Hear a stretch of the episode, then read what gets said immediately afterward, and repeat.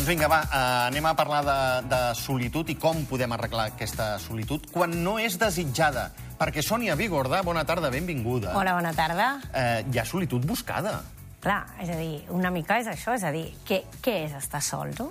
I, i, i quan ja no és el estar sol, sinó sentir-se sol, no? I aquí hi ha molta ambigüetat, perquè molta gent eh, viu sol, eh, només desitja quasi anar-se'n a casa per estar sol Correcte. i gaudir d'aquesta solitud. Sí. Això demostra moltes vegades un molt bon equilibri emocional, no? Estar bé amb un mateix.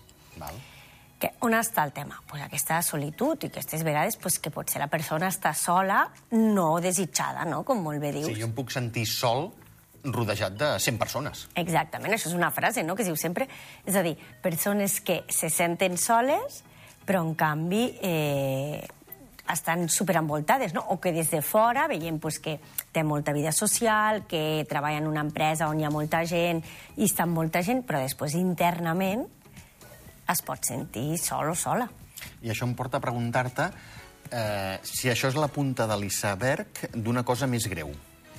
Bueno, com sempre depèn del cas, no? Però moltes vegades una persona que se sent sola i, i no vol o rebutja el fet de- d'encara de, sentir-se sol, buscarà sempre de fer activitats, d'estar amb gent, no? de buscar aquell, aquella, aquella distracció, no? De vegades fins i tot, i avui en dia ens hi trobem molt, aquella distracció dins de les xarxes socials, perquè puc estar sola en un espai físic, no? Sí. Casa meva, però em puc sentir també molt acompanyat pel fet de les, de les xarxes, no? Sí, perdona, pel que ens estàs dient, Sònia, darrere eh, la solitud eh, hi hauria una, una mancança.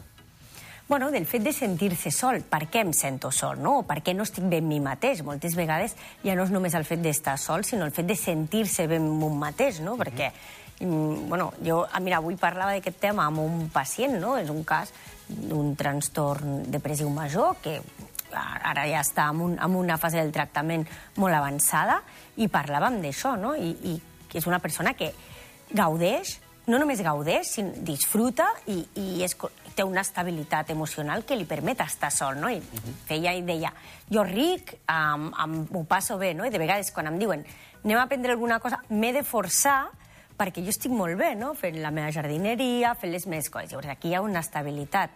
Quan intentem tota l'estona cobrir eh, aquestes mancances, bueno, doncs hi pot haver alguna cosa darrere. No obstant, jo insisteixo en una cosa, també és important estar sol, sentir-nos, escoltar el nostre cos, escoltar la nostra ment, escoltar-nos a nosaltres mateixos per dir com estic i on estic, no? No sempre buscar aquella, aquell, aquella tirita no? que ens tapi allò que ens pugui fer mal. Ens hem, hem de sentir i de moments hem de dir doncs avui no és un bon dia i avui no em sento plenament bé. I també coneixes un mateix, perquè a vegades, eh, si jo et pregunto com neix la solitud, eh, a vegades neix perquè mm, sóc antisocial. Dir, soc una persona que no m'agrada a mi estar amb altra gent, tinc dos amics, i potser me'n sobra un i mig, i jo tranquil·litat i bons aliments, i ja estic bé. Exacte, no sempre, és a dir, social, tenim una mica de pressió social, no? que sembla que sempre haguem d'estar, però al final entra la nostra personalitat, no? És a dir, una persona que és molt introvertida i està molt bé amb ell mateix, doncs segurament no li farà falta tanta socialització, estar amb tanta gent com algú que, que li agradi més tot aquest punt social, no? I no per això vol dir que, que, estigui, que, que la persona ho passi malament, no? que, que li generi això un patiment. Al final, on ens hem de basar és si aquesta solitud que sento, aquesta soledat realment em genera no? un patiment, em fa que em condiciona amb coses del, de la meva vida diària. Aleshores, Sònia, què hem de fer quan aquesta solitud no és desitjada?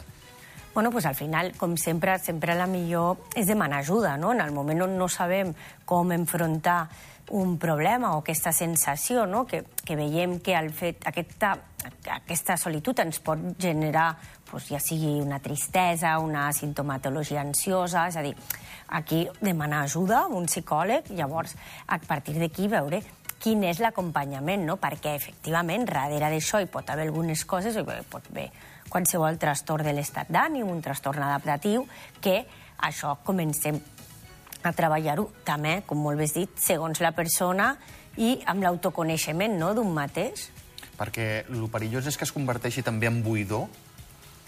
Bueno, la buidor pot ser una sintomatologia, és a dir, podem tenir tristesa, podem tenir buidor, podem tenir bueno, tot aquest sentiment d'irritabilitat, no? que potser això faria que llavors hi hagués un, un trastorn a darrere de l'estat d'ànim, o angoixa, malestar, no? o pensaments negatius, no? estic sol, perquè clar, jo estaré sempre sol, bueno, tot aquest, aquests pensaments recurrents i negatius i això al final s'ha de treballar amb psicoteràpia. Però això és mala passada del cervell, no? Perquè això de tota la vida estaré sol, eh, jo no sé si ho hem pensat tots, però molta gent, no?, en certs moments, li pot haver vingut al cap i després veus que la vida et porta ai, ara he conegut una parella, ai, ara he conegut un noi que és extraordinari, un amic, una amiga...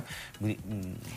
Sí, efectivament, però sí que és veritat que al final no hem de descartar de que de que certament podem viure-ho com, un, com una cosa passatgera, però al final jo sempre dic el mateix, no? en el moment on ens fa patir li hem de donar la importància, la importància que té, i sobretot que, que si algú ens està escoltant i se sent així, no pensi, bueno, ja passarà, perquè moltes vegades amb el ja passarà mm. ens trobem que es cronifica, no? i al final no ens ha de fer por demanar ajuda, i crec que això és algo que socialment no, hem de, no ens hem de jutjar no hem de jutjar els altres, però tampoc ens hem de jutjar nosaltres mateixos. Per tant, jo simplement m'escolto, eh, tinc aquestes, aquests sentiments, tinc aquestes sensacions, tinc aquesta tristesa, irritabilitat, el que sigui, i sobretot, eh, si per mi és important, és que el com important i es pot treballar. Eh, pot arribar a passar també que no ens sentim feliços amb res? M'agradava molt el futbol, ara ja no vaig a veure futbol, m'agradava molt llegir, ja no llegeixo, ja no, ja estic com apàtic. Exacte, l'apatia és una sintomatologia també que podria, podria vindre generada o no d'un trastorn de l'estat d'ànim en aquells moments, no? Però, igual que l'altre, són totes aquestes, eh, tots aquestes sensacions no? que sento, que mai d'escoltar, les recullo i, demà, i insisteixo en això, és a dir, i demano ajuda, no? Perquè de vegades amb el, amb el tema psicològic és, bueno, això ja passarà, això, o, o li explico a algú, és que a mi això també m'ha passat, no? I de vegades, clar, ens jutgem a nosaltres mateixos i dic, bueno, a veure, ara estic aquí, que estic trist, i la frase és, sempre hi ha gent que està pitjor. Ja, però bueno, al final ens hem de focalitzar. Nosaltres, quan treballem a nivell psicoterapèutic, eh, és a dir, no jutgem si és greu o no és greu el patiment, és com el cel la persona i el que això li repercuteix a nivell psicològic, sense jutjar, no? Perquè mm, socialment tendim a jutjar els altres i ens jutgem a nosaltres mateixos. I al final el primer principi eh, psicoterapèutic és no jutjar la persona que tens davant, acompanyar-la en un procés i, i, i, que se, i empatitzar, no? intentar-te ficar la pell d'aquesta persona. Eh, jo sempre poso el mateix exemple, molt, molt, molt bàsic, eh, Sònia? No te n'enfotis massa de mi. Eh, amb, amb la mateixa força, un cop de martell en un dit, una persona pot plorar tres dies del mal i l'altre dir, ostres, carai, quin mal m'has fet. I quedar-se tan ample. Efectivament. I clar, això, no? Efectivament, qualsevol circumstància que, o aconteixement que ens pugui passar a la vida, cada persona el gestionarem, l'impacte serà diferent, no? Llavors, justament, crec que no s'ha de jutjar. Cadascú eh, tenim la... o hi ha gent que té més resiliència, gent que en té menys, però bueno, no és ni millor ni pitjor, simplement Eh, per això, al final, els processos terapèutics, mateix trastorn, eh, el, trastorn, el, el trastorn pot ser el mateix, però el, el treball terapèutic que fa el professional a darrere pot canviar davant de, del pacient que tenim.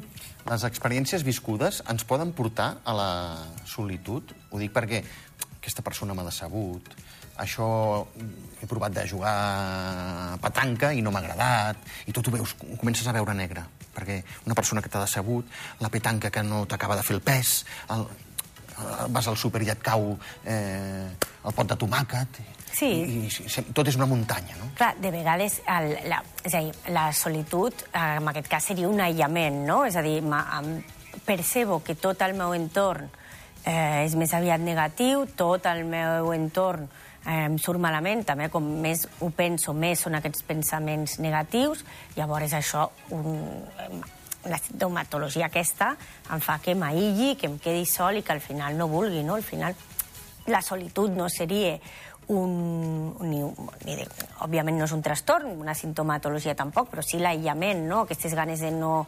de jo, i fins i tot si anem més enllà, aquestes ganes ja en un, en un trastorn, com podria ser el trastorn depressiu, de no em puc ni aixecar del llit, no? em vull quedar sol, no vull que ningú em molesti... no? perquè estem parlant de trastorn clínic. La solitud desitjada s'ha de respectar? Fixa't que t'ho pregunto, eh? no t'ho afirmo. La perquè, clar, molta solitud. gent és, és com... No, home, vine, i vine, i vine. Jo crec que sempre s'ha de respectar, no? Ens hem de respectar eh, amb tots els aspectes, no? Si tenim algú que disfruta i que li agrada estar sol, doncs què millor, no? Perquè al final vol dir que hi ha una estabilitat, certament s'ha de respectar. Sònia Vigorda, moltíssimes gràcies. Gràcies a tu. Que vagi molt bé. Ja ho sabeu, la solitud s'ha de respectar. Eh, Poseu-vos-ho al cap, perquè a vegades ho volem fer per un bon fi, allò de, va, home, sí, vine al cinema, vine, vine, que no té ganes de veure la pel·lícula, el vostre amic, que té ganes d'estar sol a casa, que això també és molt bo. En fi, nosaltres no et deixem sol. Volem ser la teva companyia ara a Ràdio Nacional d'Andorra, 94.2 de la freqüència modulada. Fins les 5 de la tarda. Fins ara.